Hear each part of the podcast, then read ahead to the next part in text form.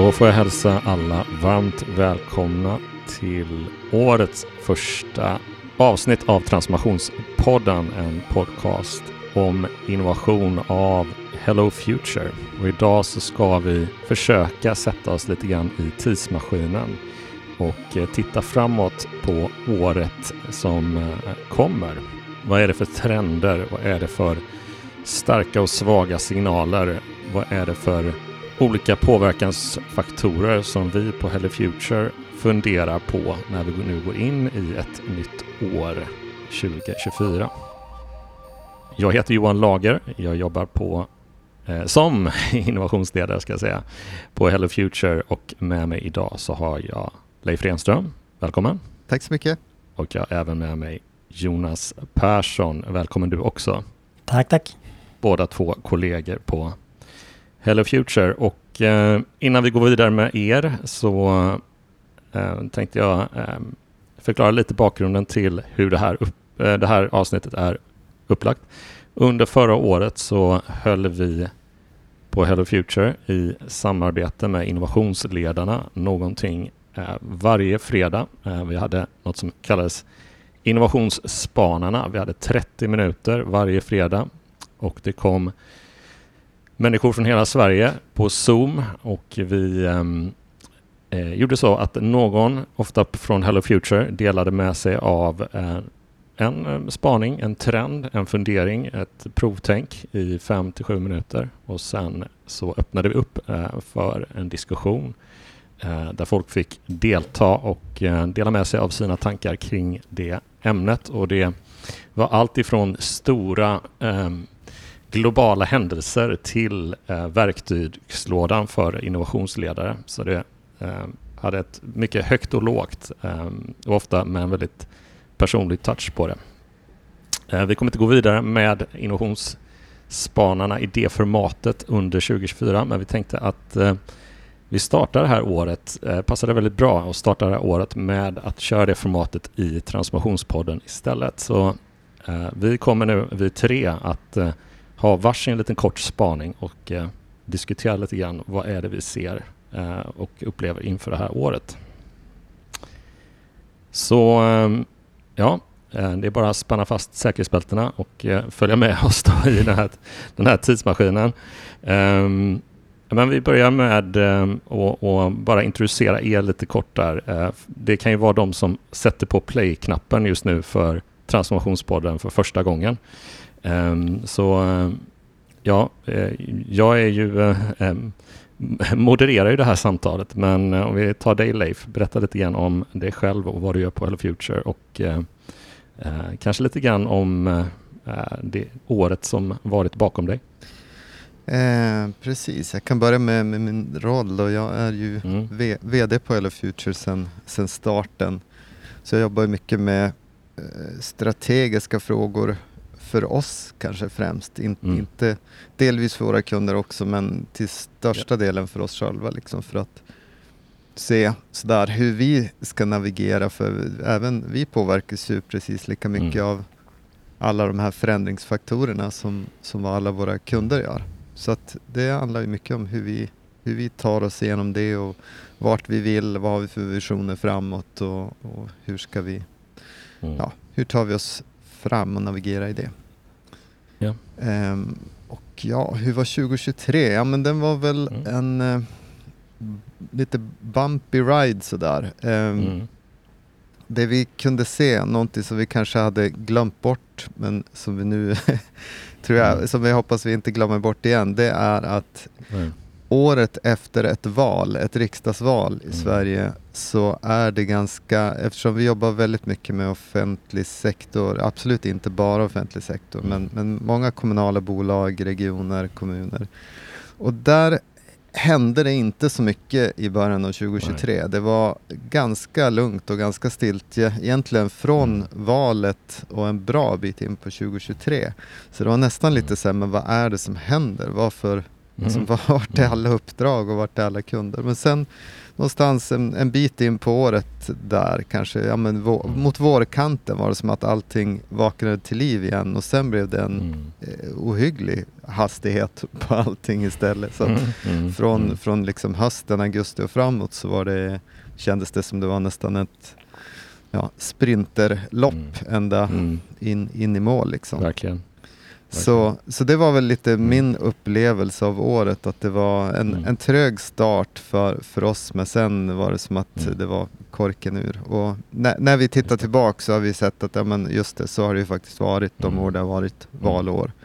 Det, det, är, det är mycket nya människor, nya budgetar och annat som ska, ska in innan man kan börja göra saker. Just det. Och jag vet att det kommer, du kommer beröra lite det i din spaning inför 2024 också. Det ska bli spännande att få, mm. få, få um, ta del av den alldeles strax. Um, Jonas Persson, du får samma fråga som Leif här, lite grann. Vem, vem är du, vad gör du och mm. hur har 2023 varit? ja, eh, vem är jag? Jag är um, en av grundarna av Hello Future uh, tillsammans med Leif. Uh, så jag har varit med ett bra tag. Uh, min roll på Hello Future är väl att uh, vara lite överallt om man ska, mm. ska hårdra det. Jag är, jag är designer i grund och botten men finns med egentligen hela vägen från de väldigt tidiga faserna i, i projekt med att sätta upp innovationssystem och liknande. Uh, och egentligen hela vägen ner till att vi ska implementera saker. Uh, vilket jag egentligen ser som min eh, grundstyrka lite grann. Att kunna mm. hålla, hålla en röd tråd hela vägen från, från en första idé till att det mm. blir innovation i slutändan. Mm. Uh, och 2023, ja, som Leif sa, det var lite berg och dalbana. Uh, mm. Jag jobbar ju både med privata kunder och med uh, offentliga kunder så och man ser att 2023 har sett lite olika ut beroende på olika branscher mm. också. Mm. vissa branscher har ju kunnat tuffa på väldigt bra, andra har haft det väldigt slitsamt och Um, ja, det har varit uh, ganska mycket som sagt start, stopp, uh, allt kommer på samma mm. gång, sen blir det tvärs, uh, tyst, tyst och så vidare. Så, ja. man, har fått, man har fått hålla i hatten. mm. Ja, ja, det, ja, det känns som det var en väldigt stor oro generellt i, mm. hos alla mm. typer av kunder. Ja. I, i början på året och, och, för en del fortsatte det där också. Mm. Som sagt, vissa by, byggsektorn exempelvis har ju haft ett har ju fortsatt väldigt, väldigt tufft. Ja, jag eh, hade det i en, en eh, fredagsspaning där. När, när börjar egentligen det, det glada 20-talet eh, mm. som, som vi väntar på här efter, efter en väldigt tuff start på det här decenniet. Och, eh, vi har inte gjort de här eh, spaningsavsnitten eller där vi i början av året tittar ut över året och eh, diskuterar och spekulerar lite grann ehm, på ett par år. Eh, dels, eh, ehm, ja, dels för att man kanske har en viss förväntan på att man ska vara träffsäker, men vi vet ju det att ingen, ingen kan förutse eh, framtiden och eh, det är inte det vi ska göra det här avsnittet heller. Eh, men vi hade ett i början av 2020 och sen kom ju pandemin och gjorde att fokuset för alla blev väldigt annorlunda. Mm. Eh, du och jag Leif ehm, eh, tillsammans med eh, Mattias Eriksson. Mm. Vi hade ett avsnitt för några år sedan där vi just pratade om det här. När kommer, när tror vi att det här kommer vända då? Ehm, och vi det, det ligger lite en tung, fortfarande en, liksom en tung filt över, över liksom samhället på något sätt mm. med mycket, mycket oro och mycket som händer. Vi kommer beröra lite av det här eh, idag också. Um, men, men sammanfattningsvis för, för, för min del eh, så hade jag ett väldigt roligt och eh, spännande år trots den här berg och dalbanan. Men eh, man känner också det att man vill ju gärna att det ska lossa, lossna eh, lite sådär. Eh, man, man blir mer och mer nostalgisk eh, över vi som är alla generation X, eh, vi känner ju det när det är 2024, det är, liksom, det är där våra science fiction-filmer utspelade sig när vi var, vi var yngre. Jag vet inte, Blade Runner och så vidare, det kanske var ännu tidigare faktiskt. Uh, Back to the Future var den mm. 2015. Men uh, man vill att det här... ja. ja precis, jag, vill, jag tror inte jag vill att det ska se ut som Blade Runner heller riktigt. Nej, i och, för sig, i och för sig inte, men jag, jag hörde citat om att uh, framtiden såg ju bättre, alltså det mesta var bättre förr så att säga. Det var en, en, en rolig eh, seriestips som jag läste och eh, han sa det att eh, även framtiden såg roligare ut för, förr då på 50-talet när man spekulerade om hur framtiden skulle se ut. Eh, och det är väl en sanning med modifikation. Eh, man får inte bli för dystopisk heller utan det är mycket positiv förändring som pågår också. Men vi, vi tar oss an det här uppdraget idag, vi tre i alla fall, och eh, ehm, försöker dela med oss av lite provtänk, så att säga. Lite spekulationer, eh, lite insikter, vad vi har fått med oss eh, genom att vi har en eh, systematiskt sätt på Hello Future att titta på omvärlden, att, att trendspana, att förstå vad som sker både i, i de sto, stora övergripande dragen och i de lite mindre lokala eh, faktorerna.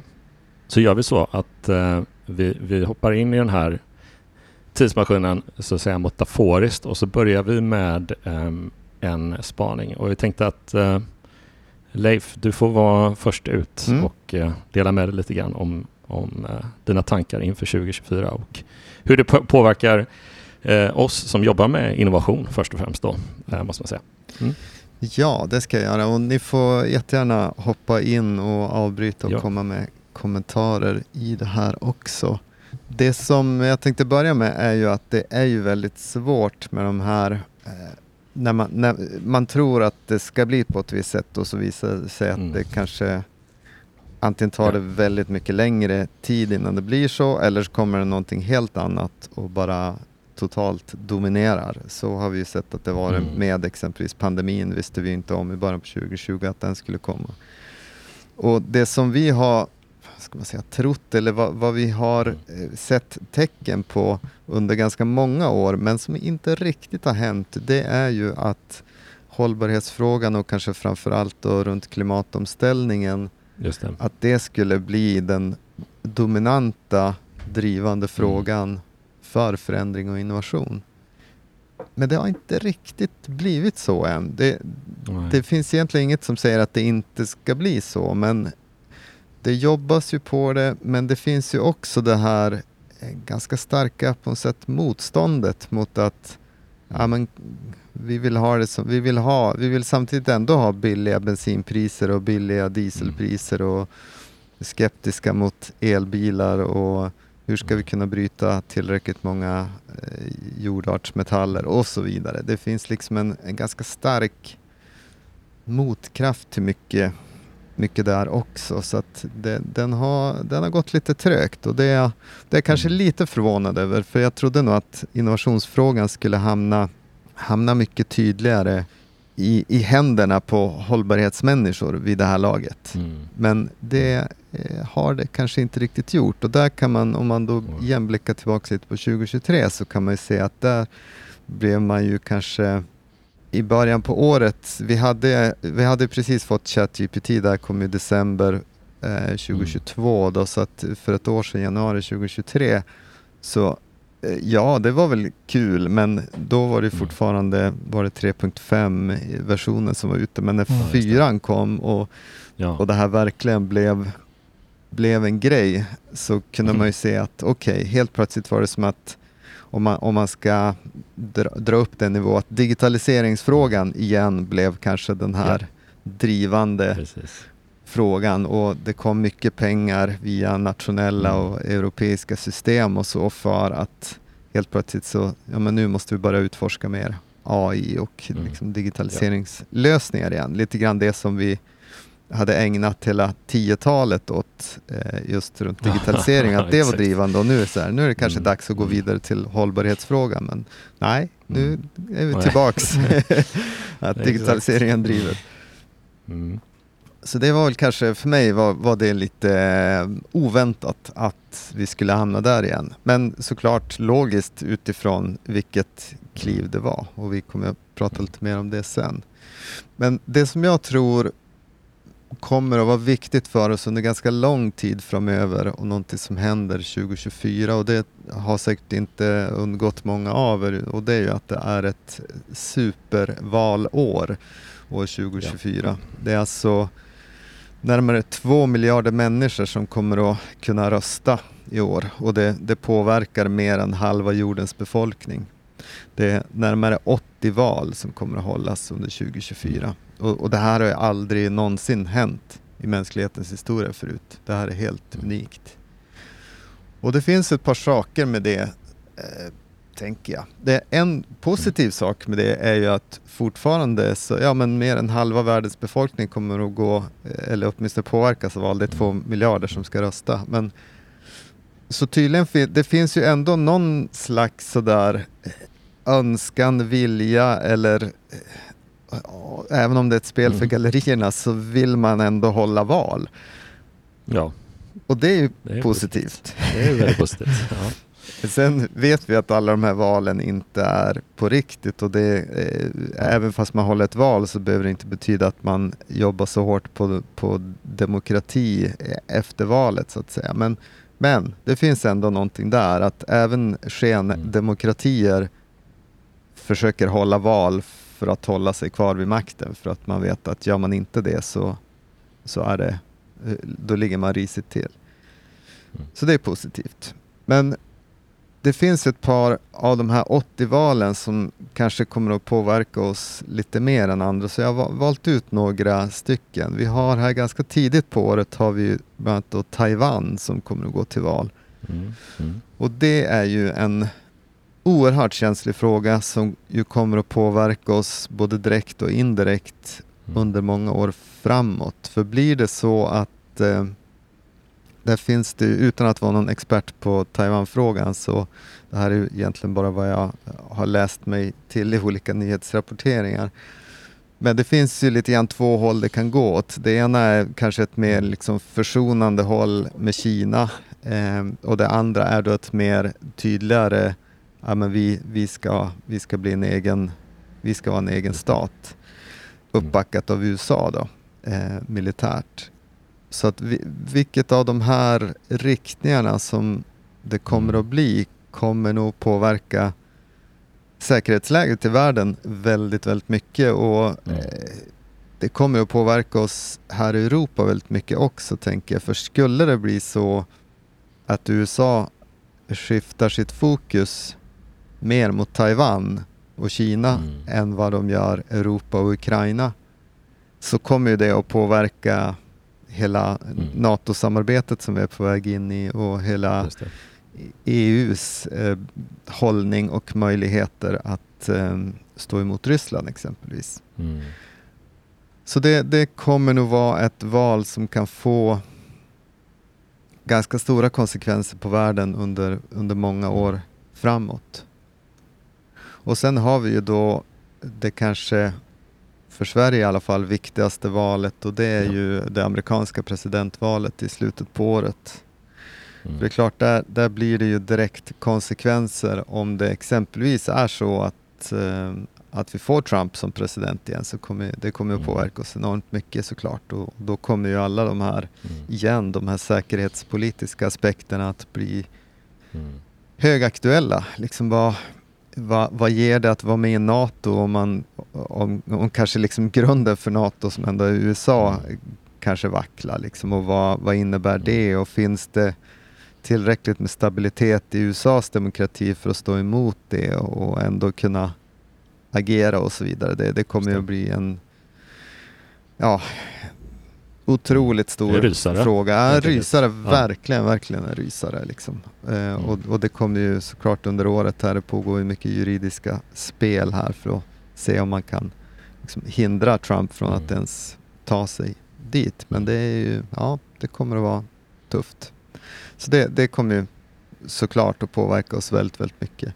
Men sen har vi ett, ett par andra val som också är spännande. Vi har ju eh, det, det, största valet av dem alla, det är ju Indien kommer också gå till mm, val. Just det. Mm.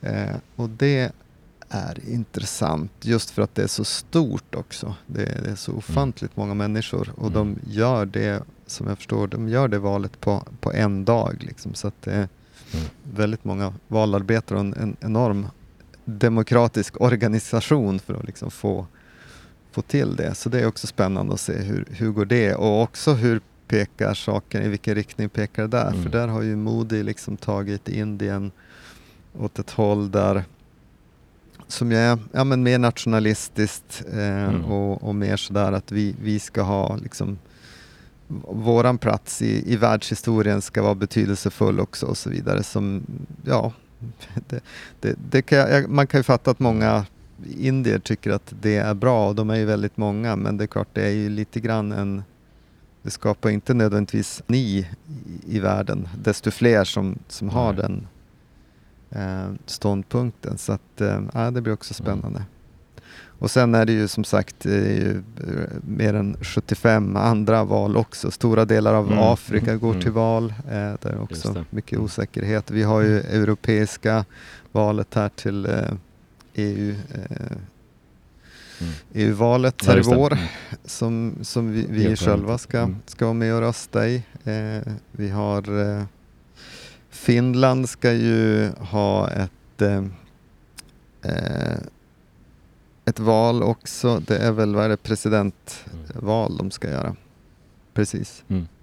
Så att eh, nej, det, det, är mycket som kommer att hända. Mm. Så det, det, kommer knappt att gå en, en, vecka det här året då vi inte pratar liksom valresultat någonstans. Ryssland såklart mm. har ju, Putin har ju val också. Se om man, se om man lyckas vinna en gång till. Uh, ja, det, är ett, det är ett stort, stort år för, för demokratin helt Precis. enkelt. Och, uh, nu ser jag att uh, det ser ut som du uh, lyfter handen där lite Jonas. Du får, du, du får Ja, ordet. precis. Ja, nej, jag tänker på det här med som du sa i början Leif, att vi har skjutit fram hållbarhetsfrågan mm. år efter år. Mm. Mm. Det känns ju som att vi kommer att, i en orolig omvärld kommer vi behöva kanske fokusera på lite andra saker också här ja. närmsta tiden med liksom eh, beredskap och annat. Eh, kanske inte mm. bara liksom krigsberedskap utan även hur leveranskedjor och mm. liksom, vi kommer att mm. bli lite mer bräckliga rent eh, ur ett internationaliseringsperspektiv. Ja, ja men verkligen så. Och, och civil beredskap kommer ju också vara en, en stor ja. grej för många av våra kunder. Vi jobbar ju mycket inom, inom branscher som ja, men energibranschen, bostadsbranschen, ja. kollektivtrafik och så vidare. Och det är ju tydliga sådana samhällsfunktioner som ändå ska funka oavsett om det är krig eller inte helst. Och, och, det kommer ju säkert, beroende på vad som händer i många av de här valen och hur, om vi knuffar världen liksom närmare konfliktsituationer så kommer det här garanterat att bli ett större fokus. Och det kan vi ju se här då nu i, i januari 2024 när det har varit den här konferensen under under veckan här så har ju både ÖB och mm. eh, försvarsminister och andra gått ut och, och pratat ganska kraftfullt mm. om att Sverige måste börja förbereda sig på att vi skulle kunna vara i krig. Mm. På ett ganska osnyggt sätt kan jag tycka personligen. Ja. Eh, att det, det, känns som att det mm. var inte kanske så, ja, jag vet inte. Det, det, känns som det retoriskt borde det ha funnits mycket bättre sätt att göra det där. Jag, jag mm. förstår äh, att, varför de säger det de säger, äh, men mm. Eh, ja, det känns som att, att skrämma mm. barn att det ska bli krig i Sverige inom kort känns kanske inte riktigt mm. rätt väg. Men, men allt sånt här kommer ju påverka oss ja. det kommer påverka vart mm. pengarna eh, liksom flyter mm. och det kommer ju påverka vart utvecklingsuppdragen hamnar. Absolut. Jag, jag tänker på eh, demokrati och valår så tänker jag också mycket på desinformation. Mm. Cy cybersäkerhet. Eh, olika typer av liksom, informationsflöden som når olika grupper i samhället på olika sätt yes. och vis. Även om det inte är eh, i Sverige valen är så är det, det är ett högt tryck på den fronten också. Jag ser en hel del ehm, eh, kallar det, ja, samhällsinformation på spårvagnsstationerna mm. här i, i Göteborg om det här eh, och eh, där man kan få mer information om det också. Eh, är det någonting som du också tänkt på när du gjort den här Absolut. spaningen? Och Absolut, så är det ju. Det, det kommer ju att vara AI-desinformation kommer att vara en mm. gigantisk sak under det här året. När, när, hälften av jordens befolkning påverkas direkt av, av val så kommer ju, mm. alltså, eh, vad ska man säga, tillfället att påverka eh, världens inriktning har ju aldrig varit bättre än nu så att säga. Så att mm. vi, kan, vi kan vara väldigt säkra på att trollfabrikerna kommer att gå de kommer att jobba mm. dygnet runt och ja. byggas ut. Det kommer att vara enorm påverkan från, eh, och framförallt med, med de nya generativa AI-verktygen som finns så, så kommer det att skapas mm. väldigt mycket bilder, video och annat mm. som, som kommer att vara jättesvårt att, eh, att kunna skilja från, är, är det här på riktigt eller inte? Mm. Jag tänker på utifrån eh, den grund du har lagt nu kring eh, de här viktiga frågorna för innovationscommunityn. Du pratade lite grann om hur pengarna kommer fördelas och kanske prioriteras. Ehm, givet de här stora händelserna för 2024, vad, hur spekulerar du kring hur året kan gå kring eh, i, om vi bara tittar mot eh, offentlig sektor eller även privat sektor, eh, kring kring olika investeringar i innovation och hur man skulle kanske börja förbereda sin organisation för den här typen av potentiella svängningar eller förändringar? Som kan ske under det här året. Hur tänker du kring det? Ja, men eh, precis. Jag kan ta några exempel kanske. Nej, men för, för, en organisation mm. som Hello Future exempelvis, för oss själva så är det ju kanske läge att börja tänka på lite grann hur, hur skulle ett Hello Future fungera om det inte finns ström och internet? Kan vi ens göra någonting då och är det rimligt att vi inte kan göra någonting? Alltså hur, hur skulle vi, vad är våran backup-plan? Mm. Hur, hur, skulle vi kunna ha någon effekt och, och vilken positiv eh, roll skulle vi kunna verka i kanske då i en, i en sån konflikt exempelvis? Va, va, mm. Vad kan våra skills bidra med där i, mm. i ett civilsamhälle? Eh, sen finns det många andra exempel. Jag, jag tänker på ett som är eh, de här fibernäten runt om i landet. Där vet jag man har gjort en, en mm. jätteinsats på att, att utbilda mer människor som kan svetsa fiber exempelvis. För att skulle en sån här mm. konfliktsituation uppstå så är det väldigt viktigt att man kan snabbt reparera fibernäten.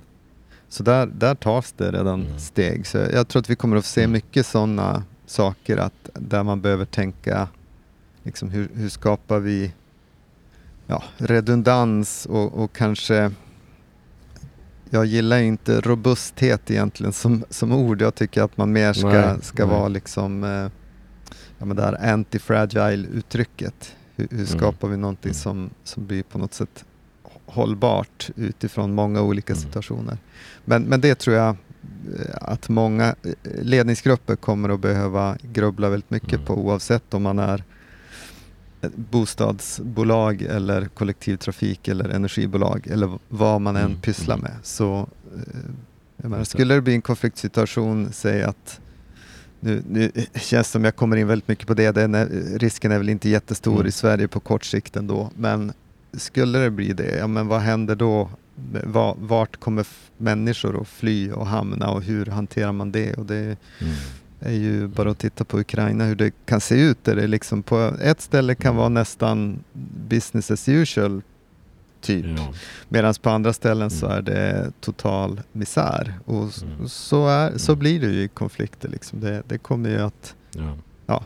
påverka oss. Skulle i så fall påverka oss. Och, och den typen av scenarion tror jag ju säkert att vi kommer att börja jobba lite mer utifrån i alla fall. Ja. Att vara, skapa lite mer beredskap. Alltså, vi kommer inte att lösa det, Rättigt. men vi kommer säkert att börja gräva i de frågorna mycket, mycket mer. Mm.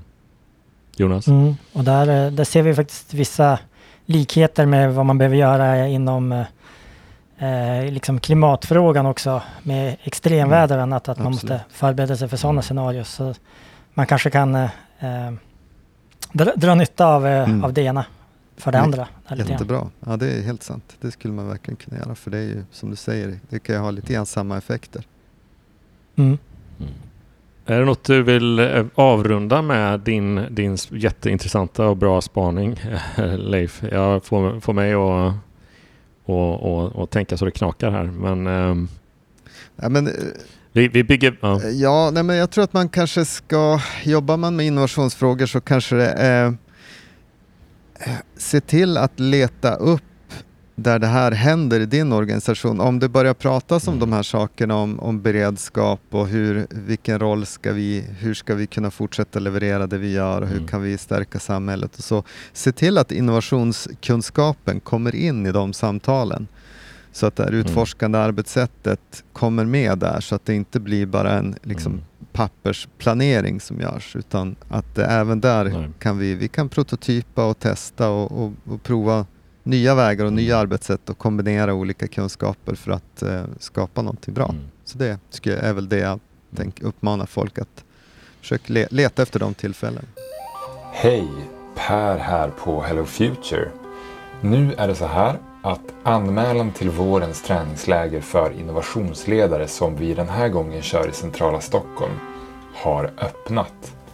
Träningslägret är för dig som vill bli en effektiv, modern innovationsledare oavsett om du har den titeln idag eller någonting helt annat. Många som går på våra läger är verksamhetsutvecklare, projektledare, strateger, utvecklingsledare, designers och mycket annat. Träningslägret pågår i tre dagar mellan den 11 och 13 mars den här gången. Och det finns 15 platser. Och det är först till kvarn som gäller. Så varför ska du då gå just den här utbildningen? Jo, för när du går ifrån det här träningslägret så tar du med dig erfarenheter av att praktiskt ha fått lösa utmaningar tillsammans med andra med stöd från oss på Hello Future. Det här är ett stort steg bort från teori, vilket vi märker behövs för att det faktiskt ska börja hända saker ute på våra organisationer. Du tar också med dig ett nytt nätverk av människor som brottas med ungefär samma saker som du själv, men som har helt andra infallsvinklar. Och det faktum att du har sjunkit ner i de utmaningar som vi har skapat under tre intensiva heldagar kommer höja ditt självförtroende när du kommer hem till organisationen igen. Du kommer bli en bättre innovationsledare som kan ha mer påverkan på det innovationsarbete som behöver hända hos er. Då. Dessutom kommer vi såklart ha himla kul tillsammans. Så anmäl dig nu och dela den här informationen till dina medarbetare om ni har möjlighet att gå tillsammans. Just nu så tar vi emot tre personer från en och samma organisation. Hur anmäler du dig då? Ja, du kan antingen googla på träningsläger för innovationsledare eller gå in på hellofuture.se och leta rätt på träningslägret som du hittar på startsidan. Alltså hellofuture.se. Jag ser personligen fram emot att ses i Stockholm. Jättebra. Vi, ehm, jag tror att vi kommer eh, i våra spaningar eh, som vi fortsätter med här, eh, jag och, och Jonas, så kommer vi säkert bygga vidare på de här tankarna för vi är, vi, vi är där, mm. där framtiden är väldigt eh, osäker. Eh, väldigt, väldigt osäker. Det känns som att den blir bara mer och mer sådär eh, för varje år som, som, som går, i alla fall nu för tillfället, att, att eh, det är mycket som är uppe i luften. Ska jag eh, ta vidare, Jonas? Eller vad känner du? Eh, det tycker jag absolut du ska göra. Ja, men då gör jag det. Jag ska ta det från ett litet, ett litet annat perspektiv, men det är definitivt relevant eh, utifrån det vi pratar om nu att föra in innovationsmetodik och innovationstankarna i de här diskussionerna. Um, för att, att jobba med innovation handlar väldigt mycket om att jobba med framtiden eh, och eh, kunna använda den verk verktygslådan. Jag tänkte backa bandet eh, lite grann innan jag kommer vidare till det. Min spaning handlar om innovationsledning och det är ju någonting som som har varit ett, ett, ett genomgående tema också på våra fredagsspaningar. Då. Även de här frågorna som du Leif har, har pratat om som är mer eh, globala, större påverkanstrender men också hur vi jobbar med innovation. Och eh, om vi backar bandet eh, kanske till och med tio år, mer än tio år tillbaks i tiden så gjorde ju um, design thinking ett, ett större inkliv i eh, i alla fall den offentliga sektorn. Eh, ni får eh, rätta mig om jag har fel, men det är väl ungefär 10 plus år sedan som jag själv eh, stötte på det och vi såg hur det utvecklades. Folk började använda det här arbetssättet. Vi kallar det väl ofta tjänstedesign mm. också. Men det är ju det här fokus på eh, behoven, på mänskliga behov, att designa någonting utifrån vad målgruppen behöver och, ehm, och anpassa också olika lösningar utifrån det. Man ser till att testa tidigt och ofta för att lära sig om behoven innan man utvecklar någonting. Det är en väldigt kortfattad dragning om, om det, men jag tror de flesta som lyssnar på det här är, eh, är väl medvetna om det. Och det är just det här tänkandet eh, som jag är inne på, alltså design thinking. Det handlar om ett, ett nytt sätt att tänka när vi utvecklar eh, nya saker. Och den, det var en stark trend ett par år, sen övergick det i att man kanske såg, i alla fall vad jag plockade upp, att man gjorde innovationssprintar som är också en, en del av design thinking. Um, man, man använder det på olika sätt och vis men man kanske inte såg den där innovationshöjden på det. Uh, och då börjar man titta på kanske mer, ja, men det vi behöver nog i alla fall i offentlig sektor skruva kanske lite mer på policies. Vi behöver se hur saker och ting hänger ihop, hur systemen ser ut. Um, det är kanske där vi kan mer påverka samhällsförändringen. Och då kom det in, eh, vi hade ju ett avsnitt för ungefär ett år sedan, Leif, eh, du och jag Elsa, om systeminnovation mm. eh, eller systemtänkande som vi kanske mer vill eh, prata om på Hello mm. Future. Mm. Att man behöver tänka i system när man, när man ska tackla stora omvälvande komplexa mm. frågor. Man behöver man ska inte fastna i en viss del och det är det man kanske lätt kan göra i designtänkandet då. Att man, man fastnar i människans behov och man kanske inte ser hur saker och ting, alltså olika mönster hänger ihop, olika aktörer i, i ett system eh, som man vill förändra. Så då kommer mer systemtänkandet in och man pratar väldigt mycket om det. Och det här går också, jag pratade med Anna, vår kollega, om det igår. Hon sa det att det är väldigt vad Vinnova också har prioriterat mm. de olika åren. Man prioriterar mycket liksom, tjänstedesign, tjänstedesignprojekt och sen pratar man mycket om system eh, som också går in i hållbarhetsfrågan.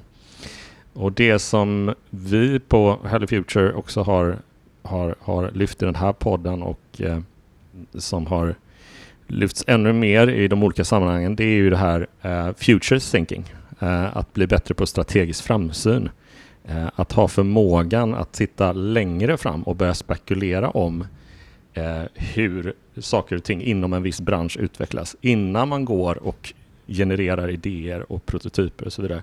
Och eh, min take på det är att det är ett sätt att, att höja nivån på eh, innovationshöjden. Att vi inte fastnar i hur saker och ting, vi, vi använder vårt, våra ärvda svar när vi ska ta fram nya tjänster. Vi försöker lyfta blicken och se, ja, men tio år från nu, hur skulle en Ja, nu ser jag bara ett par hörlurar framför mig här. hör, ett par hörlurar eller ett, eh, en snusdosa. Jag bara använder det som står framför mig. Just. Hur skulle det kunna se ut givet de trender, givet de Eh, den teknik som utvecklas här och nu. Och jag tror att de som, eh, har, eh, som jobbar som innovationsledare, jobbar med det här, försöker också lära sig mer om de här olika perspektiven. Eh, man utökar sin eh, verktygslåda och jag tror att det är väldigt bra. för att tackla de här stora samhällsutmaningarna och även kunna implementera ny teknik som AI till exempel så behöver man de här tre olika perspektiven. Och eh, min spaning eh, inför det här året, eh, eller det kanske till och med är sätta igång en trend, uppmuntra till en trend då när man ska in i det här, eh, det är att ehm, definitivt eh, stärka sin förmåga i de här olika sätten att tänka. Men att eh, den stora nyckeln är att faktiskt kunna kombinera eh, de olika verktygslådorna. Och jag tror det att när man jobbat lite längre med innovation så kommer det ganska naturligt. Men jag har inte hört det uttalat så, så tydligt innan. Mm. Um, så att det vill jag bara presentera av att innovation handlar hela tiden om, när det gäller idéer, det är att kombinera olika perspektiv, olika tidigare idéer som finns, olika arbetssätt och skapa någonting nytt. Och det tror jag väldigt starkt på när det gäller att jobba med innovation. Att förmågan att kunna ha ett systemperspektiv, ett framtidsperspektiv och ett människocentrerat perspektiv. Ehm, det tror jag att eh, innovationsledare ehm, och även till viss del också de som, som sitter i ledningsgrupper också behöver få de olika perspektiven för att vi ska kunna orka med eh, de, de eh, utmaningar som står framför oss. Eh, för tappar man något av de perspektiven så, ehm, så kommer man inte riktigt vidare. Ehm, och för ta, bara för att ta ett exempel, eh, kollektivtrafik brukar vi ofta ta som exempel. Ni kanske har ett, ni får gärna komma med ett bättre, men det är det jag tänkte på. Ehm, men om vi tar det som exempel så om man nu ska innovera hur vi reser kollektivt så tror vi att Eh, för att inte fastna i vad vi behöver här och nu och lösa det, eh, de, de eh, kortsiktiga behoven, så kanske vi behöver titta på men hur vill vi att samhället ska se ut på 10-20 år? Och hur vill vi att resandet ska se ut? Och eh, hur kan vi liksom fantisera om eller spekulera om hur vi vill att det ska se ut? Um, och det är, för att inte gå in för djupt in vad future thinking är, men det är en väldigt, väldigt viktig del av att ha visioner, att, ha, att spekulera om uh, en positiv och önskvärd mm. framtid. Eh, men sen när man backar tillbaka så, så märker man det att för att det här ska bli till så behöver man ju kolla på väldigt många olika faktorer i ett system, ett kollektivtrafiksystem. Det går inte bara att titta på en buss. Jag vet att vi har pratat om det här med ja, är självkörande bilar liksom det vi ska satsa på. Man får inte fastna för mycket heller i en specifik teknik eller en specifik lösning när man spekulerar om framtiden. Utan man behöver titta på systemet. Hur kan vi förändra det systemet för att skapa ett så bra samhälle som möjligt på sikt? Så där kommer systemtänkandet in. Men sen behöver man också testa i liten, litet format. Man måste testa sig fram i små skivor mot den här större mm. bilden. Och där kommer designtänkandet in av att skapa prototyper, testa tidigt och så vidare. Så vidare. Eh, som väldigt, eh, bara en, ett kort resonemang kring vad jag tror eh, kommer vara viktigt är att ha en förmåga att kombinera de här olika sätten att tänka på. Och det är inte alltid lätt. Det är, man får använda hjärnan mycket mm. när man jobbar med innovation. Mm. Uh, men jag tror också att det börjar utvecklas väldigt bra, lättillgängliga modeller, verktygslådor och så vidare. Uh, att man får helt enkelt pröva sig fram. Så det var lite min, mitt provtänk kring det här året och kanske in, mer av en, en uppmaning kanske, eller till och med en början på en innovationsledartrend. Jag vet mm. inte. jag vågar kanske inte vara så kaxig här, men så är ja, det. Nej, men jag håller, håller helt med dig Johan och det är ju, eh, den är ju nästan eh, den är ju hur djup som helst. Varje sån där del kan man ju liksom, man kan ju borra ja. hur djupt som helst i, i futures eh, thinking mm. eller framsyn eller ja. i de andra delarna också. Mm. Men jag, jag håller med dig, jag tror att det är viktigt att man börjar se att allt det här med, med innovation är ju desto bredare, bredare och djupare verktygslåda man har mm. som kollektiv eh, i organisationen, desto bättre kommer det att bli. Ja. För det är även vi, vi ja. har sett också eh, med, med hållbarhetsperspektivet att där kan man, där finns det också att, att få ihop ja. det med innovationstänkande och future mm. thinking mm. och systemtänkandet. Det, hållbarhetstänkandet ligger kanske mm. lite närmare systemtänkandet faktiskt. Eh, ja. Som inte mm, är, liksom både innovation thinking och tjänstedesign, de är ju egentligen baserade på eh, vad ska man säga, användarcentrerade designmetoder mm. om, man, mm. om man ska titta på liksom forskningsområden sådär. Medan mm. systems thinking och hållbarhetsfrågan kommer från ett lite annat håll. Eh, så, mm. så det kan bli lite, det är inte så, alltid så lätt att kombinera dem där. Eh, jag, men jag tror att det är väldigt nyttigt att man gör det och att man mm. liksom mm. breddar bilden så att innovation inte bara är eh, användarcentrerad designmetodik, för det, det räcker inte längre. Det, det, är absolut en viktig grund i, i det här, att liksom mm. testa och utvärdera väldigt fort. Men, men det finns också massa andra delar i det som, som kanske inte bara handlar om mm. det, som, som man måste bära med sig. Så jag tror att du har, du har helt, mm. helt rätt i din spaning, att börja, börja bredda era verktygslådor. Använd all downtime ni har till att mm. förkovra er, för det finns hur mycket som helst att, att dyka ner i. Ja, men det är, för att komplettera lite grann där så vad jag såg mycket att det här systemtänkandet kom in men också policy design. Eh, det ena var att man märkte att ja, för att vi ska verkligen påverka i, i stora drag så behöver vi inkludera andra, andra perspektiv eh, som kanske går utifrån beslutsfattande, lagstiftning och så mm. vidare. Eh, men den stora delen som jag tror har fått en genomslagskraft är vad du var inne på, att man har pushat mycket på eh, eh, hållbarhetsfrågan, klimatfrågorna. Och där har det verkligen kommit in att alltså, här behöver vi den här systemtänkande mm. Verktygslådan och man börjar prata systeminnovation och så vidare. Um, och det tror jag är uh, fortfarande väldigt, väldigt, väldigt relevant för oss. Uh, men jag, när jag gör ju nu ett, ett residens framsyn som är Vinnova-finansierat mm. för Kungsbacka kommun och fått lite tid att och liksom fördjupa mig just i det här future thinking-spåret.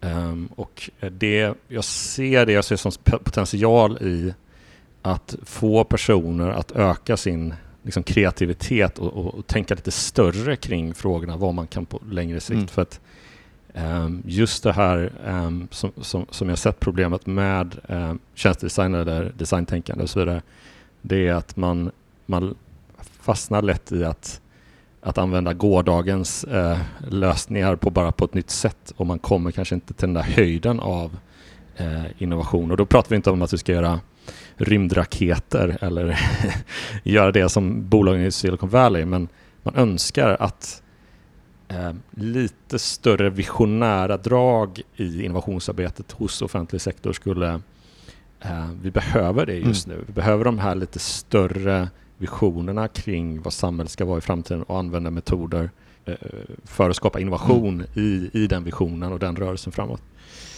Jag släpper in Jonas också som, som har stått och nickat här ett tag. Ja, nej, men jag, jag kan inte annat än att hålla med jag, eftersom som sagt jag, jag jobbar allt från de stora, med de stora penslarna till de mm. liksom, små delarna och där är det jätteviktigt att veta vilken verktygslåda man ska använda och när. Mm. Är det liksom system mm eh, systemtänket vi ska dra fram nu eller är det mer mm. beteendedesign om vi ska mm. jobba med förändringsledning eller är det mm. eh, någonting annat? Och där, där blir det väldigt kraftfullt när man har en väldigt bred låda att ta ur, mm. så att säga. Mm. Ja, verkligen. Ja, för det finns ju otroligt mycket bra special verktyg så att säga som man kan använda sig av. Men använder man fel verktyg vid fel tillfälle så, så kan det också bli väldigt mm. svårt. Om man exempelvis tittar på, ja men vad ska vi ta, upplevelsen att åka buss kanske man fokar på med en slags tjänstedesignmetodik. Mm. Ja men då kommer man ju få ett ja. typ av resultat kontra om man tittar på mm på systemet att ta sig runt i mm. länet, då kanske man hittar, det kanske inte ens mm. är buss, det kanske är något, någonting helt annat. Och mm. det kanske är saker mm. som ska digitaliseras och inte, inte ska åka runt och så vidare. Så det, det, det, är viktigt att, att man väljer rätt perspektiv där. Ja, mm. ja men eh, tack, tack för de inspelen på mitt, min, mitt provtänk eh, inför året här.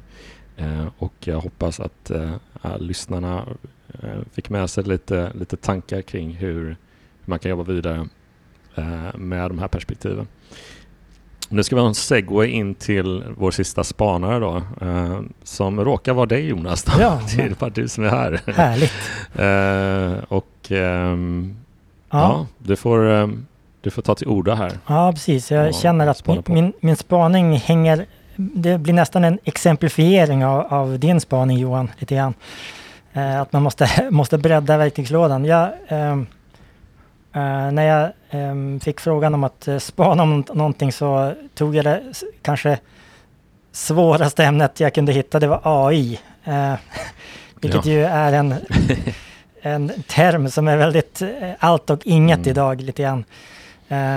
Fast jag tror, för att, för att hoppa in lite där på det, ursäkta, men mm. jag tror att det är många som fortfarande efter 2023 känner att kan inte någon berätta lite grann hur jag ska gå vidare med den här frågan som alla ändå har pushat och pratat om ja. liksom, inför det här nya året. Så jag tror att det är väldigt välkommet att du, att du gör det. Ja, jag hoppas det. Ja, precis. Uh, och um, när man pratar om AI så har det ju blivit lite grann ett, ett samlingsnamn på samma sätt som man tidigare pratade om, om internet eller någon sån här väldigt bred mm. generell grej. Det är liksom, det kan vara allt från de väldigt eh, enkla sakerna när vi egentligen pratar om, om machine learning. Det kan vara en rekommendationsmotor på en hemsida som är eh, powered by AI och det är liksom, ja, det. det fanns mm. väldigt, det har funnits väldigt många som säljer AI på det sättet när det egentligen är någonting som är ganska, eh, man ska inte säga banalt, men det är no någonting som egentligen snarare handlar om att eh, vi gör saker lite bättre. Mm. Eh, snarare än att det ska bli en, en stor innovation.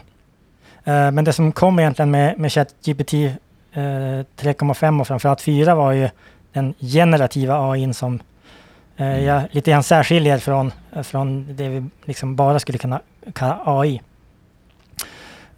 för den är någonting som egentligen tar oss bortom det som vi idag vet och har behov av. om jag återigen mm. tar liknelsen med internet. där har vi ju tjänster som Netflix, där vi har tjänster som Spotify. Eh, när de kom så var det ju eh, mest att vi fick bredband som var tillräckligt snabbt. Vi fick datorer som var tillräckligt mm. bra för att vi skulle kunna liksom, streama musik och film eh, mm. på internet. Och behovet fanns ju redan innan. Det är klart att folk ville ha eh, en, mm. eh, musik en knapptryckning bort och inte fylla sin hårddisk med all musik i hela världen, vilket ju skulle ha varit omöjligt. Eh, så det var mm. egentligen ett ganska ett ganska enkelt eh, behov att fylla. Eh, men eh, det som har hänt med generativ AI, jag läste en, en artikel om det, det är att även om vi skulle pausa all AI-utveckling idag så skulle vi förmodligen ha fem till tio års experimenterande som vi liksom ligger efter. Vi har ett, vi har ett tekniskt överhäng här. Mm. Där vi, tekniken har liksom sprungit ifrån oss, både ur ett liksom, kanske samhällsperspektiv och ur ett liksom, eh, vi vet inte riktigt vad vi ska göra med det. Jag är ju så gammal att jag var med redan när internet var en experimentverkstad och jag ser lite grann samma, mm. samma tendenser mm. här, att vi, vi visste inte vad vi skulle göra med tidiga internet, så vi gjorde liksom allt möjligt och det vart kaos och roliga saker och så vidare. Eh, innan vi liksom hittade formen för det här. Ja. Mm. Um, och det spenderades massa pengar i onödan också. det gjorde det, jättemycket. Um, ja.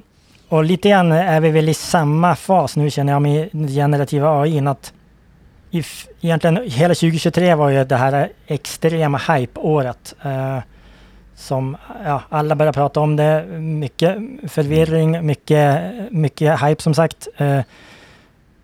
De tecken som finns om man ska gå efter den här klassiska hype-kurvan är väl att ändå generativ AI kommer förmodligen att ur ett liksom börskurs och investerarperspektiv kommer förmodligen att börja dala. De, en del säger att kurserna är övervärderade och så vidare.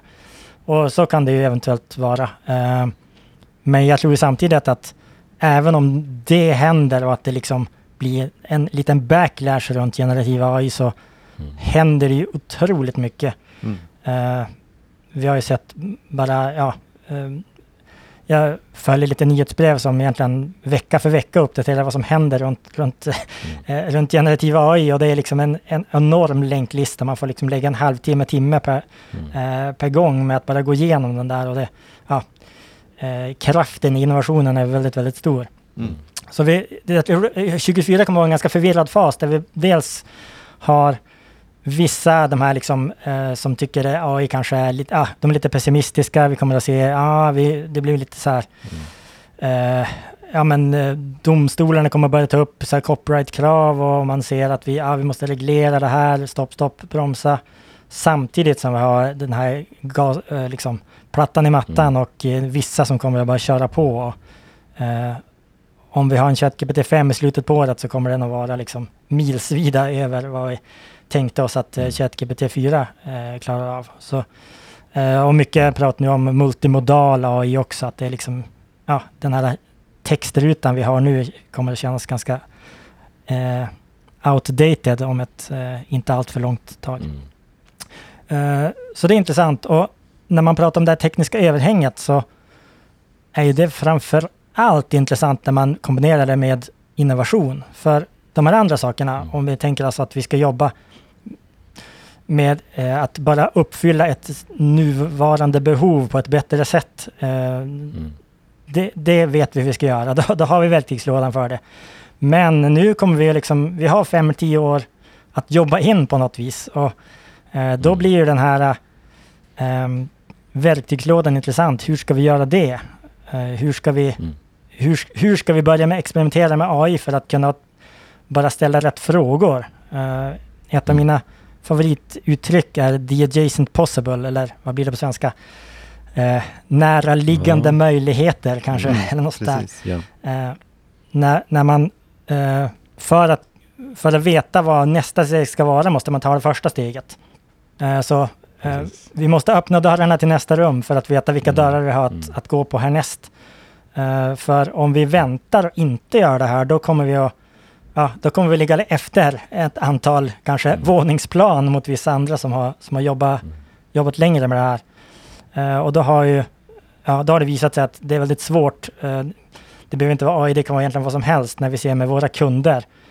De som ligger mm. liksom fyra, fem steg efter en annan organisation i mognad uh, mm. och försöker implementera den här eh, jätteavancerade lösningen, de har svårt att göra det och de mm. har svårt att förstå varför lite grann. Och det är ju för att de inte har tagit stegen i utvecklingen och liksom sett problemen. Mm. Hur ska vi lösa det i vår organisation? Vad ska vi ha för? Hur ska vi förändra våra policies och så, så vidare? Uh, för det kommer dyka upp helt nya frågor runt framförallt uh, policies och hur vi hanterar AI och mm. kombinationen människa och maskin lite grann. Senast i, igår använde jag eh, ChatGPT för att lösa en, en teknisk uppgift på, ja, kanske tog en halvtimme. Utan ChatGPT 4 hade det tagit en dag om jag ens hade löst det. Mm. Eh, mm. Och det jag gjorde var att jag tog en joggingtur istället, en, en lång lunch för att jag kände att det var, det var bra väder. Eh, och hur ska vi hantera det här i större organisationer? Eh, mm. Om jag som kanske privatperson skaffar en jättebra AI eh, som löser mina eh, rutinuppgifter väldigt snabbt. Hur ska vi hantera arbetstid?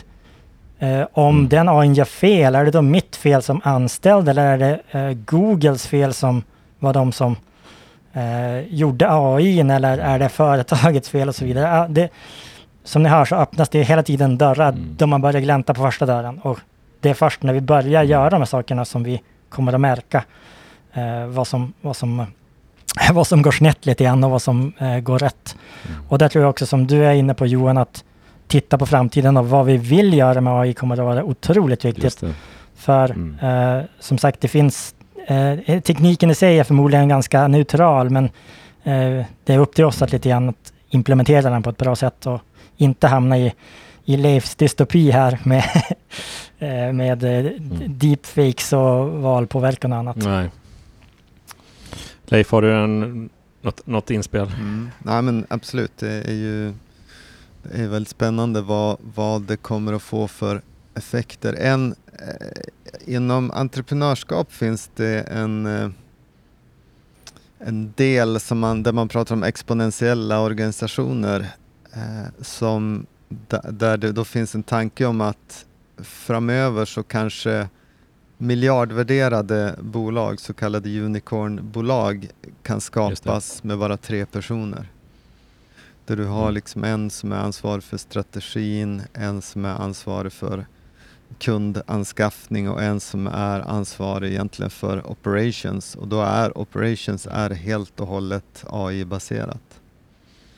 Mm. Så den typen av av liksom visionära tankar runt hur man bygger framtidens organisationer börjar dyka upp. Och det är ganska intressant och där man då mer skulle ja, men utnyttja all, all, allt det här som finns med kanske, ja, men, om det behövs arbetskraft så är den mest troligt mer on demand.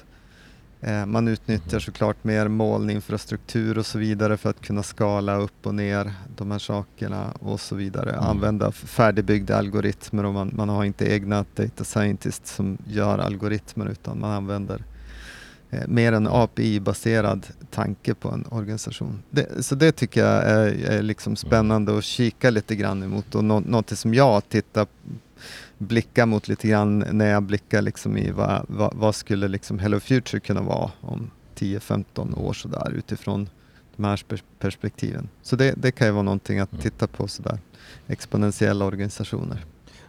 Något jag tänker på det du säger också Jonas med att börja öppna de där dörrarna eh, känns ju jätteviktigt. Hur, eh, hur skulle man nu som, som lyssnare på den här podden approacha den här teknikutvecklingen under det här året och börja kanske förbereda sig, sitt team eller sin organisation för att öppna dem utan att det blir den här AI-paniken som mm. ibland blir. Ja, men nu måste vi jobba med det här och så vet vi inte riktigt och vad ska vi vända oss till och så prövar vi någonting och så känns det Ja, alltså det är lätt att hamna i det diket också, tänker jag. Ja, absolut. Det, utifrån det. Mm. Um, återigen, som, eh, jag tror just att hitta rätt verktygslåda blir jätteviktigt här, um, mm. Johan. Mm. Uh, och att man uh, inte jobbar som man kanske skulle ha gjort med liksom, behovsdrivet här, utan uh, dels titta på det ur ett ganska många olika perspektiv tror jag blir viktigt. Att man sätter ihop mm. team som är... Mm, det, är lätt hänt att det här kanske blir en fråga mm. för några eh, jätteintressanta, intresserade liksom, tekniknördar som sätter sig med AI och börjar koda upp några LLMs och de mm. svänger sig med konstiga ord här eh, och så mm. vidare. Utan att man sätter ihop ett team där man kan börja utforska det här tillsammans ganska mycket. Mm. Eh. Det tror jag är en nästan förutsättning och att man vågar kanske ta fram lite framtidsscenarion. Vad, vad ser vi? Vad, vad, skulle vi kunna använda det här till? Hur skulle det kunna se ut? Och så testar man. För det går att testa jättemycket, framförallt med hjälp av, eh, ja, man kan göra sådana här egna eh, ChatGPT4 mm. eh, bottar som man liksom... Ja, jag har gjort ett par ja, precis. redan. Ja, de är ja. jätteroliga. mm. eh, och det är mm. liksom inte svårt att på något vis prototypa sig fram till lösningar som egentligen är de riktiga lösningarna. Nej. Eh, Nej. Så jag skulle, jag skulle framförallt rekommendera folk att börja kika på det ur perspektivet vad skulle vi kunna göra i framtiden? Mer spekulativt, mm. eh, göra små enkla tester eh, och få med som sagt många olika organisationer runt, ja men eh, om vi mm. skulle göra så här, vad skulle det betyda för er på HR? Eller vad skulle det här mm. betyda för, ja. Eh, för oss på, ja, och så vidare. Eh, så det här är väldigt mycket en fråga om att eh, samarbeta liksom mm. tvärorganisationellt och ja, jobba lite mer, verkligen experimentellt och inte tänka allt för mycket tror jag på, på behovsstyrd. Eh, mm. liksom. För vi är inte riktigt där än. Ja, alltså tänk, tänk på det i sista minuterna där medan du har pratat också och bara landat ännu mer i vikten att jobba tillsammans under 2024. Alltså att bygga starka team kring de här frågorna som vi har pratat om i den här podden. Också dels liksom för att hantera komplexiteten i det som händer i omvärlden, eh, den snabba teknikutvecklingen och även kunna ha den här verktygslådan. För det kommer inte vara en person, en stark innovationsledare, Johan Lager, som sitter med alla perspektiv och vet, utan man behöver koppla in i teamet någon som kanske har ett, ett system och hållbarhetstänk, någon annan som är väldigt duktig på prototyping, um, har, har en, ett mänskligt approach till, till uh, frågorna. uh, personer som är duktiga på att föra organisationer längre fram eh, och tänka på framtiden på ett konstruktivt och, och bra och, och, vettigt sätt som kan påverka de beslut som du är inne på eh, här och nu. Så att säga. Jag tror jättemycket på det. Att, eh, jag hörde också forskning på eh, att organisationer som är duktiga på att eh, formulera framtiden och jobba med framtiden fattar också eh, vettigare beslut eh, här och nu, vilket också är den största anledningen till att man, man jobbar med att man har eh, fram, framtidstänkande eller future thinking då, um, är att fatta vettigare och bättre genomtänkta beslut här och nu då, om, om vad man ska ta, fram, eh, ta, ta organisationen in i. Eh, så just det här med, med bygga bra team och tänka igenom på vilka kompetenser och hur man vill utveckla de kompetenserna i teamen tror jag är, är väldigt uh, viktigt. Sen behöver vi varandra också i de här turbulenta tiderna mm. och, och, och, så vidare också. Uh, Jonas? Mm. Nej, precis. Sen kanske jag ska, jag kanske ska uh, tillägga att ja, man ska också jobba behovsstyrt, men kanske inte med just de här frågorna. Citera mig inte på att man inte ska jobba nej. behovsstyrt. Utan som nej, sagt, nej, nu, nu pratar vi om de här liksom utforska gränserna för mm. generativ AI. Sen finns det jättemånga liksom, sätt att implementera olika AI-lösningar i den befintliga verksamheten också, mm. såklart. Absolut. Uh, men jag tror att det är viktigt att vi också kan ha perspektivet att vi vågar öppna på de här okända dörrarna och inte yeah. nöjer oss med att uh, ligga de här fem åren efter. Du nämnde ja, multimodala Jonas, kan inte du bara kort redogöra för vad det är? För det är kanske inte alla som har koll på exakt vad, vad det betyder. Nej.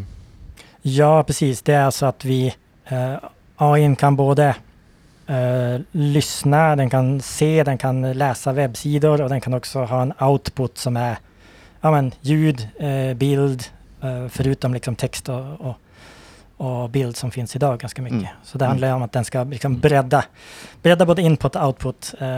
Och vi ser ju, ja, när det kommer till, till deepfakes börjar det bli väldigt bra multimodala AI-släden idag, att man kan mata in lite en kort video och, mm, på sig själv och lite eh, liten röstklipp eh, och sen får man en, kan man liksom mm. be eh, AI spela in en helt ny film där man säger något dumt. Mm. mm. Och det här kommer bara utvecklas ja, ja. ännu mer. Eh, och framförallt kommer det bli eh, bra användningsområden runt det också mm. tror jag. Mm. Uh, jag ser framför mig den här filmen, vad heter den, Her? Mm med mm, mm. väldigt bra design fiction-film. ja, mm, eh, mm. med alla som gick runt med en, en virtuell pojkvän eller flickvän i örat. Och där. Uh. Ja, jag minns när den filmen kom och jag tänkte jag, bara längtar till den framtiden. Kanske inte att jag ska ha en virtuell flickvän men, men just det här eh, sömlösa att, att kunna pr prata med AI mm. och använda röst. Och så vidare. Mm. Ja, det, och, och Nej, det är vi, nog inte, ja. vi är nog inte så jätte, jättelångt borta från det Nej. kanske, just de här, alltså att ha virtuella, Absolut. en virtuell livscoach eller vad man vill, vill kalla det. Liksom. Mm. Antingen kan man ge den ja. rollen av en pojkvän, flickvän eller en, en livscoach eller en, en, mm. en vän bara, men no, någon vi eh, pratar, skriver, kommunicerar fram och tillbaks med, det, det är nog inte så, mm. så långt mm. bort som man kanske Nej. trodde att det skulle vara för några år sedan. Det finns ju mm. exempel på folk som har använt ChatGPT som liksom, eh, sin, sin terapeut också med ja. ganska lyckat resultat. Mm. Sen kanske man mm. eh, känns lite scary men det, ja, vi kommer hamna där också tror jag att vi kan ha betydligt mer hjälp av den här typen av teknik också. Mm. När det inte finns någon, någon människa i närheten. Och det som, eh, det som också verkar vara, som det händer väldigt mycket just när det gäller generativ AI är just det här delen av, man har de här stora modellerna som har tagit jättelång tid och enorma datamängder att träna men sen det som kan ge mm. enorm skillnad i hur väl de fungerar är just sen hur man sätter kontexten, alltså där reinforcement learning och hur man, mm. hur man ger dem så att säga feedback på hur de ska uppträda och, och svara och det Mm. Där känns det som man har bara skrapat lite på ytan än och, och det verkar mm. som att det, där kan det, det kan förändra eh, hur, mm. Eh, väldigt mycket hur modellen upplevs, även om du egentligen har två ungefär likvärda modeller men som du sen gör olika typer av reinforcement learning på så kan upplevelsen av dem i mm. slutändan bli extremt olika. Mm. Det känns mm. också spännande att se vart, det kan ta oss. Absolut. Så jag, jag kan väl säga att jag är både jag är både väldigt positiv inför 2024 runt vissa av de här bitarna. Jag är väldigt nyfiken på vad som kommer att hända. Samtidigt som jag är mm, väldigt mm. pessimistisk runt mycket annat. Eh, ja. Så det är en lite en splittrad bild.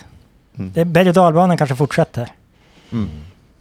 Ja, det, det lär den göra ja, ja. och jag, jag, tror som sagt, för att knyta mm. ihop det lite med min spaning, att det kommer att vara en enorm, alltså det här eh, viljan att påverka de här 80 valen runt om i världen kommer mm. definitivt också att driva utvecklingen av generativ AI för att det kommer att vara en uppsjö av olika video, audio, lösningar mm. som kommer att dyka upp för att, för att pusha folk i olika riktningar och för att destabilisera mm. såklart. Alltså att man, först eldar man på ena sidan och så när de är upphetsade då häller man mm. bensin på den andra sidan och så får ja. man alla ur fokus på det som är viktigt egentligen. Det, det kommer att hända mm. dagligen skulle jag säga under det här året, mm. väldigt medvetet. Mm.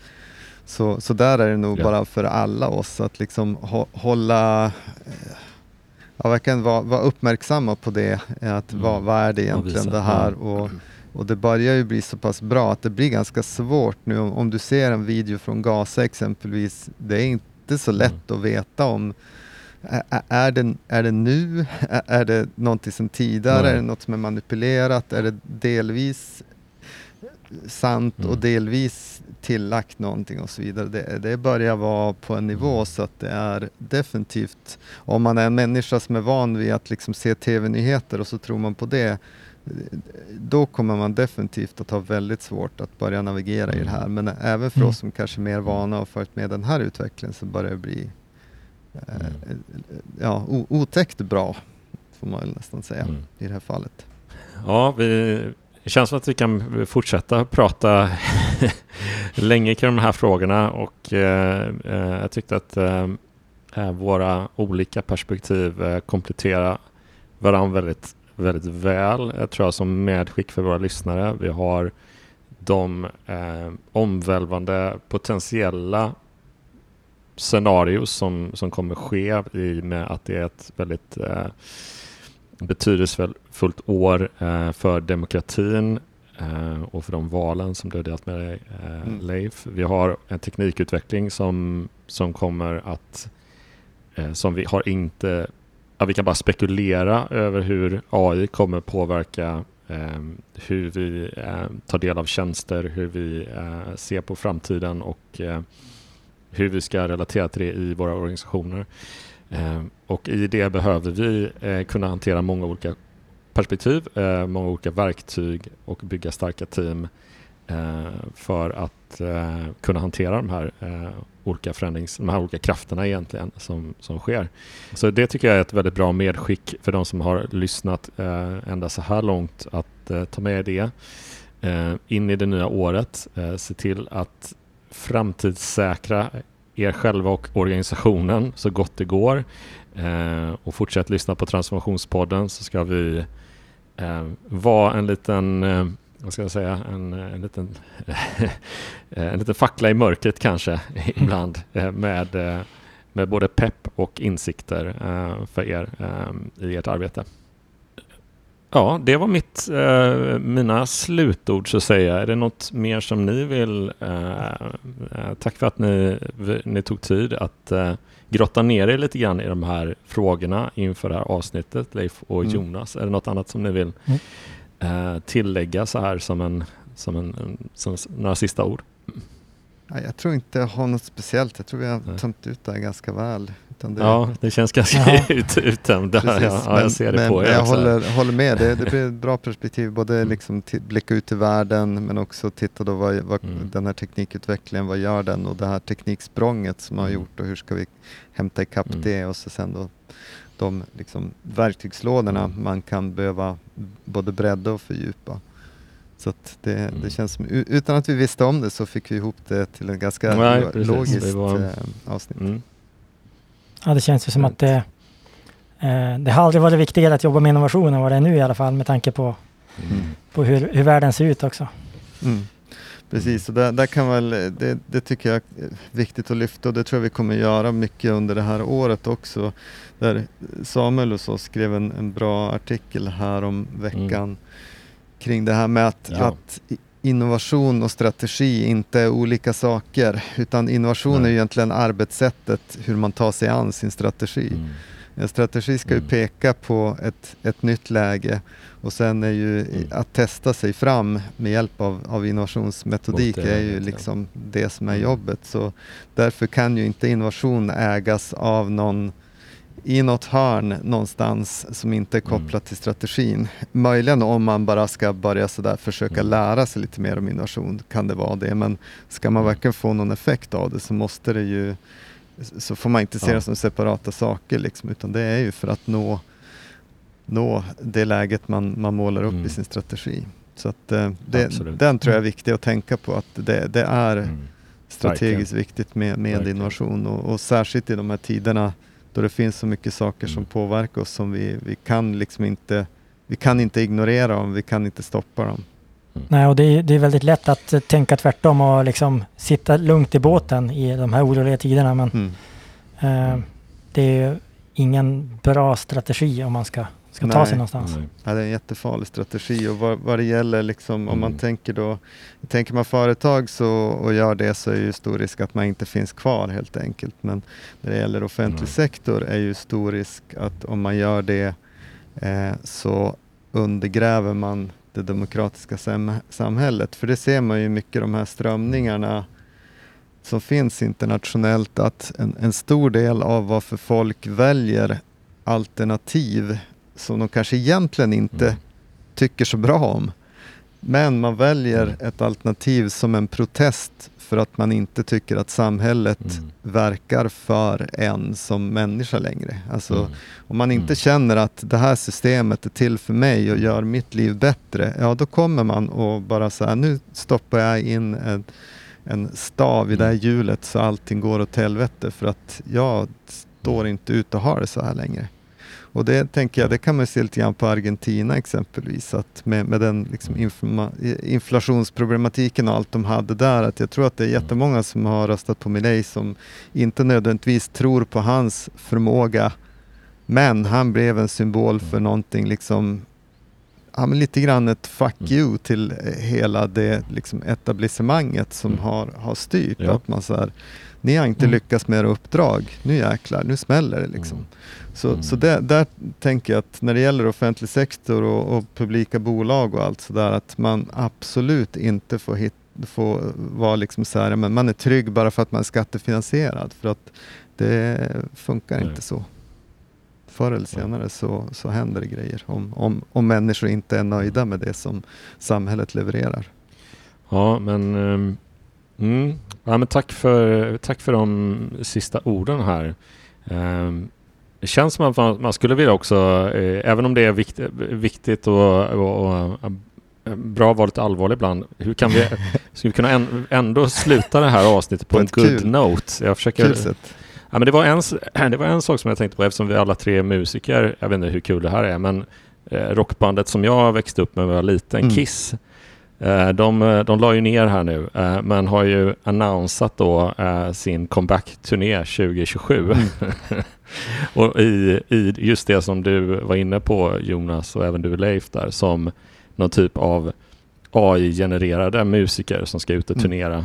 Mm. och med tanke på att de inte gör ABBA direkt liksom, utan har tre, vad blir det då? Ja, tre år innan det så kan det ju vara ganska spännande faktiskt att se vad det där projektet blir av eh, med tanke på hur teknikutvecklingen kring AI ger. Hur, hur långt bort kommer det mm. vara egentligen från att ha sett dem live mm. eh, när de ställer sig i O2 Arena i London mm. eller vad det är om, om, om tre år. Eh, det, det, det är ändå lite spännande. Ja, ja, och det kanske är ett eget poddavsnitt kring hur musik, musikbranschen kommer ja, se ut. Men, ja, men det, det, är ändå lite kul. Absolut, det är kul. Och mycket av det här är ju faktiskt kul också. Att utforska de här sakerna är ju, även om det kan vara allvarliga, allvarlig kontext, så är det ju mm. kul. Det är kul att lära sig nya saker, mm. det är mm. kul att titta på ny teknik och det är också kul att se mm. Eh, vad, hur snabbt det går, särskilt i den här eh, eh multimodala AI-världen, generativ ja. AI-världen, där, mm. jag menar för oss som, som sagt som jobbar med musik har det ju väldigt nyligen kommit mm. tjänster där man kan på ett jätteenkelt sätt, utan att kunna någonting om AI, så kan man göra om röster. Har man ett körpaket exempelvis så kan man ta det och så kan man byta ut eh, liksom det här till olika färdiga röster. Så att du kan, om du exempelvis gör en låt på egen hand och du sjunger in allsång som du gör i dina projekt Johan, mm. eller inte alltid men ofta, så ja. skulle du kunna ja. göra så att körerna var av fy, med fyra andra mm. röster, fast det var du som sjöng dem. Men sen laddar du bara upp dem där, får nya mm. röster på dem, laddar ner dem och kör. Och det låter svinbra. Mm. Alltså det, det, har, mm. det där har gått jättefort ja. hur, hur, bra det har blivit. Definitivt mm. nog bra för att använda i professionella mm. produktioner har det blivit och det är bara på ett par mm. månader för att tidigare, förra, mitten av förra året så lät det ganska mm. kackigt. Men nu, det som kommer i december nu så börjar man se att nej, men nu, nu börjar det här, nu, det här håller. Mm. Ja, det, det ryktas ju också om Elvis comeback på, på mm. allvar nu också. Och, och, och, och, man kan faktiskt tänka sig att det, det behöver inte bli så, så, så dumt. Alltså. Eh, men, jag vet inte. Med, med, tanke, med tanke på var, var vi är på väg så ja. Det kanske ja. är Elvis vi behöver. det kanske är Elvis som ska det, det rädda kanske är Elvis Presley vi behöver. Ja. Eh, som sagt var. Eh, Nej, men tack så mycket för, för era inspel idag och att ni eh, delar med er av de här eh, viktiga trendspaningarna och så vidare. Eh, vi, eh, vi tar nya kliv in i året och är tillbaks med ett eh, nytt eh, avsnitt av Transformationspodden om två veckor igen. Eh, och till dess får ni ha det så bra och försöka smälta allt det vi har pratat om i den här podden idag. Eh, det var inte eh, sockervadd direkt, men det är bra med den här typen av lite nyttigare föda också. Eh, så med de orden, eh, tack igen eh, Jonas och Leif. Jag tackar för mig och ha det så jättebra tills vi hörs igen. Tack Johan, hej då. Hej då.